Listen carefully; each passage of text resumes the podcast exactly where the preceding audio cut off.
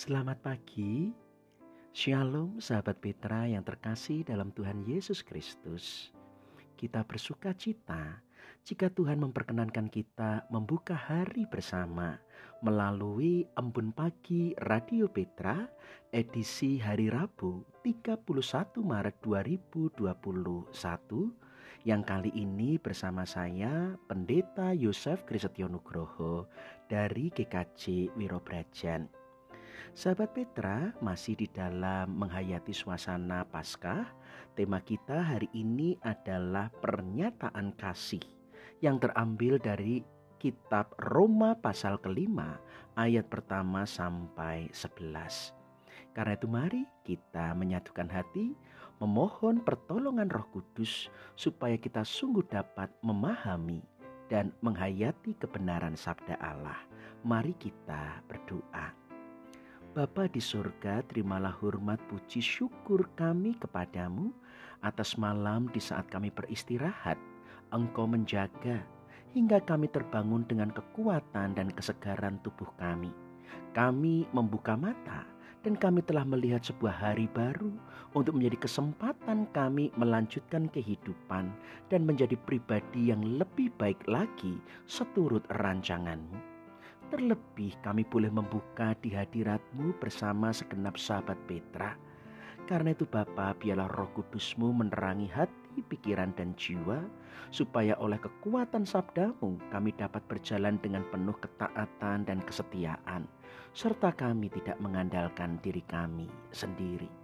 Bersabdalah ya Tuhan, kami anak-anakmu siap untuk mendengar. Dalam nama Tuhan Yesus kami berdoa. Amin. Roma pasal 5 ayat pertama sampai 11 yang menjadi bacaan kita dalam tema pernyataan kasih. Demikian sabda Tuhan. Sebab itu, kita yang dibenarkan karena iman, kita hidup dalam damai sejahtera dengan Allah oleh karena Tuhan kita, Yesus Kristus oleh Dia. Kita juga beroleh jalan masuk oleh iman kepada kasih karunia ini. Di dalam kasih karunia ini, kita berdiri dan kita bermegah dalam pengharapan akan menerima kemuliaan Allah. Dan bukan hanya itu saja, kita malah bermegah juga dalam kesengsaraan kita karena kita tahu bahwa kesengsaraan itu menimbulkan ketekunan, dan ketekunan menimbulkan tahan uji, dan tahan uji menimbulkan pengharapan, dan pengharapan tidak mengecewakan. Karena kasih Allah telah dicurahkan di dalam hati kita oleh Roh Kudus yang telah dikaruniakan kepada kita. Karena waktu kita masih lemah, Kristus telah mati untuk kita orang-orang durhaka pada waktu yang ditentukan oleh Allah. Sebab tidak mudah seorang mau mati untuk orang yang benar. Tetapi mungkin untuk orang yang baik ada orang yang berani mati. Akan tetapi, Allah menunjukkan kasihnya kepada kita. Oleh karena Kristus telah mati untuk kita ketika kita masih berdosa. Lebih-lebih, karena kita sekarang telah dibenarkan oleh darahnya, kita pasti akan diselamatkan dari murka Allah. Sebab jikalau kita ketika masih seteru diperdamaikan dengan Allah oleh kematian anaknya. Lebih-lebih kita yang sekarang telah diperdamaikan pasti akan diselamatkan oleh hidupnya. Dan bukan hanya itu saja, kita malah bermegah dalam Allah oleh Yesus Kristus Tuhan kita. Sebab oleh dia kita telah menerima pendamaian itu. Demikian sabda Tuhan, yang berbahagia ialah mereka yang mendengar, menghayati dan yang melakukan sabda Allah. Hosiana. Sahabat Petra, saya mengawali dengan sebuah pertanyaan. Bagaimanakah Allah mengasihi kita? Pada umumnya lalu kita akan menjawab, Pertama, kalau Allah mengasihi kita, Allah pasti akan memberikan berkat bagi kita. Dan yang kita sebut berkat tentunya adalah hal-hal baik dan hal-hal yang menyenangkan. Kita menerimanya sebagai berkat. Atau setidaknya kedua, Tuhan mengasihi kalau Allah menjauhkan kita dari kesusahan dan penderitaan. Sebab Allah kita percaya berkuasa tetapi kalau kita sampai menderita, berarti Allah tidak mengasihi, dan Allah berarti juga tidak peduli dengan kita. Benarkah demikian bila Allah mengasihi kita? Kenyataannya, sahabat Petra, hidup kita memang tidak selalu senang terus, bahkan memang tidak lepas dari kesusahan dan penderitaan. Karena itu mari kita pahami benar dalam terang firman Tuhan melalui bacaan Roma pasal 5 ayat pertama sampai 11. Judul perikop ini adalah hasil pembenaran atau bisa disamakan inilah buah keselamatan. Apa itu hasil pembenaran? Apa itu buah keselamatan? Pertama, kita diingatkan bahwa kita dibenarkan karena iman. Itu hasilnya. Sejatinya kita harus sadar bahwa kita salah, bahkan berdosa. Selayaknya kita untuk dihukum. Tetapi semua itu tidak diperhitungkan. Kita dibenarkan.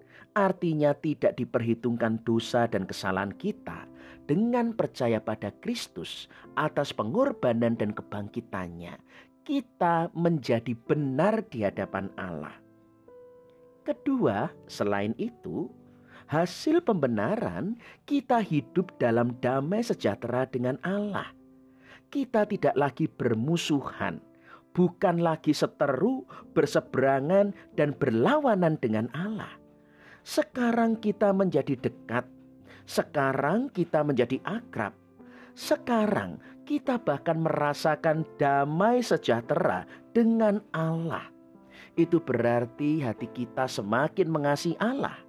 Itu artinya bahwa kita selalu bersyukur dan bersuka cita di dalam Dia. Pertanyaannya, bagaimana bisa kita yang berdosa menjadi demikian?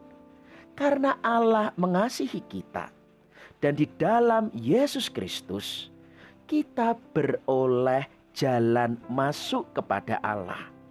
Kita berdiri bahkan kita bermegah di hadapan Allah untuk menerima pengharapan mendapat bagian kemuliaan Allah. Sahabat Petra kita perlu tahu jalan masuk bahasa Yunaninya prosagogi.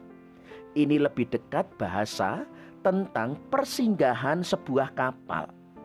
Artinya bahwa dalam Yesus kita menerima kebenaran dan kesempurnaan Paskah yang dilewati. Samudra sudah dilewati. Badai sudah diarungi. Bersama Yesus kita seperti kapal yang sudah berlabuh yaitu sampai pada tujuan di hadirat Allah. Paskah semua telah dilewati karena Yesus bahwa kita sudah sampai kepada Allah.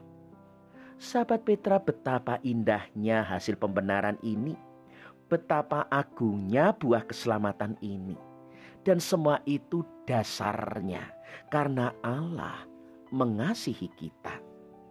Maka perlu kita luruskan lagi pertanyaan kita. Bagaimana Allah mengasihi kita? Bukan hanya urusan berkat, bukan hanya urusan lepas dari penderitaan. Melalui bacaan kita ada dua hal bukti Allah mengasihi kita. Pertama di ayat 5, kasih Allah dikaruniakan di dalam hati kita oleh Roh Kudus. Ingat, Tuhan tidak hanya memberkati, artinya hanya memberi berkat yang mati, berkat yang fana, berkat yang sementara. Tuhan mengasihi, tetapi memberi berkat yang hidup, yang berkuasa, yang kekal, yaitu Roh Kudus. Dan dalam kuasa Roh Kudus ini, kita mampu bermegah dalam kesengsaraan. Sebab kesengsaraan bukan lagi melemahkan. Kesengsaraan dalam arti tlipis bahasa Yunaninya itu bukan malah menghancurkan. Tlipis itu artinya adalah tekanan. Jadi kesengsaraan masih ada. Tetapi seperti besi yang ditempa justru semakin lama semakin kuat karena itu, kesengsaraan akan menimbulkan ketekunan. Bahasa Yunaninya hupomone.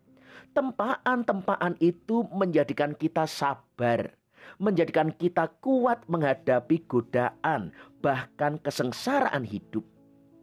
Dengan menjadi kuat dan sabar, itulah yang disebut ketekunan dan ketekunan akan menimbulkan tahan uji atau bahasa Yunaninya dokime. Gambaran dokime itu adalah gambaran logam yang dibakar, diuji nyala api. Ketika logam dibakar, di sanalah ia menjadi semakin dimurnikan.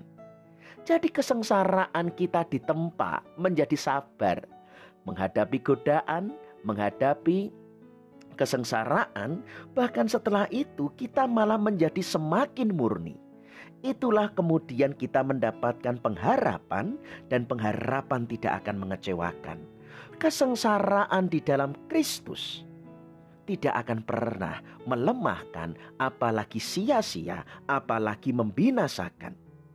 Yang kedua, kasih Allah ditunjukkan kepada kita karena Kristus mati untuk kita ketika kita masih berdosa. Ayat 7 menyatakan, Sebab tidak mudah seorang mau mati untuk orang yang benar, tetapi mungkin untuk orang yang baik ada orang yang berani mati. Apa maksudnya? Kita mau ditunjukkan sebuah fakta. Tidak mudah kita itu mau berkorban bahkan mau mati untuk orang benar. Misalnya ada orang benar yang diperlakukan tidak adil, kita sedih. Tetapi kadang kita tidak mau berkorban untuknya. Kita tidak mau ikut-ikut, bahkan sekalipun itu orang benar. Tetapi mungkin untuk orang baik, ini kalau punya relasi baiklah, kalau ada orang dalam kesusahan, itu saudara kita, itu kita kenal, mungkin kita masih mau berkorban dan mau berani mati. Tetapi justru kenyataannya Tuhan berkorban. Dia mengasihi kita, yaitu dengan mati ketika kita masih berdosa. Itu berarti kita tidak benar. Tuhan mau mati bagi kita orang durhaka, berarti kita adalah orang yang tidak baik. Untuk orang yang durhaka dan berdosa, untuk orang yang tidak baik dan tidak benar, Kristus telah menderita dan mati untuk kita. Betapa luar biasanya jika kini kita dibenarkan. Kita dijadikan benar olehnya. Kita dijadikan baik oleh rohnya. Berarti pasti akan dilindungi dan dipeliharanya. Ibarat sebuah burung liar. Kita tidak peduli.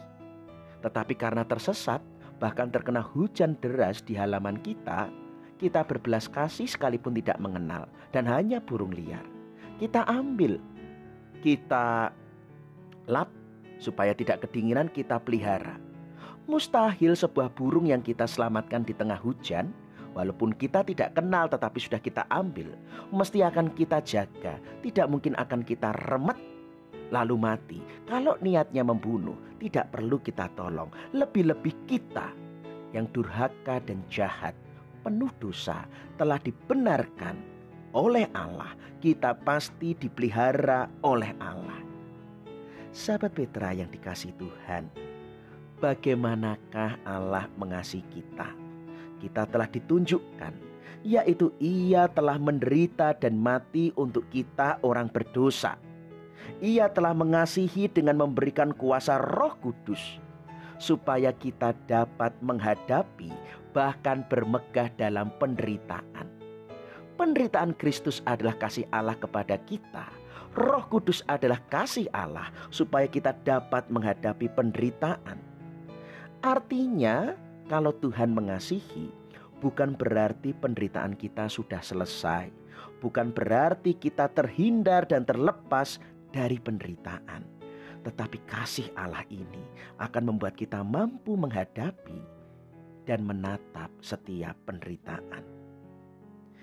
Sahabat Petra yang membuat kita berat dari penderitaan karena mungkin rasa sakit, rasa pedih yang terus-menerus mendera.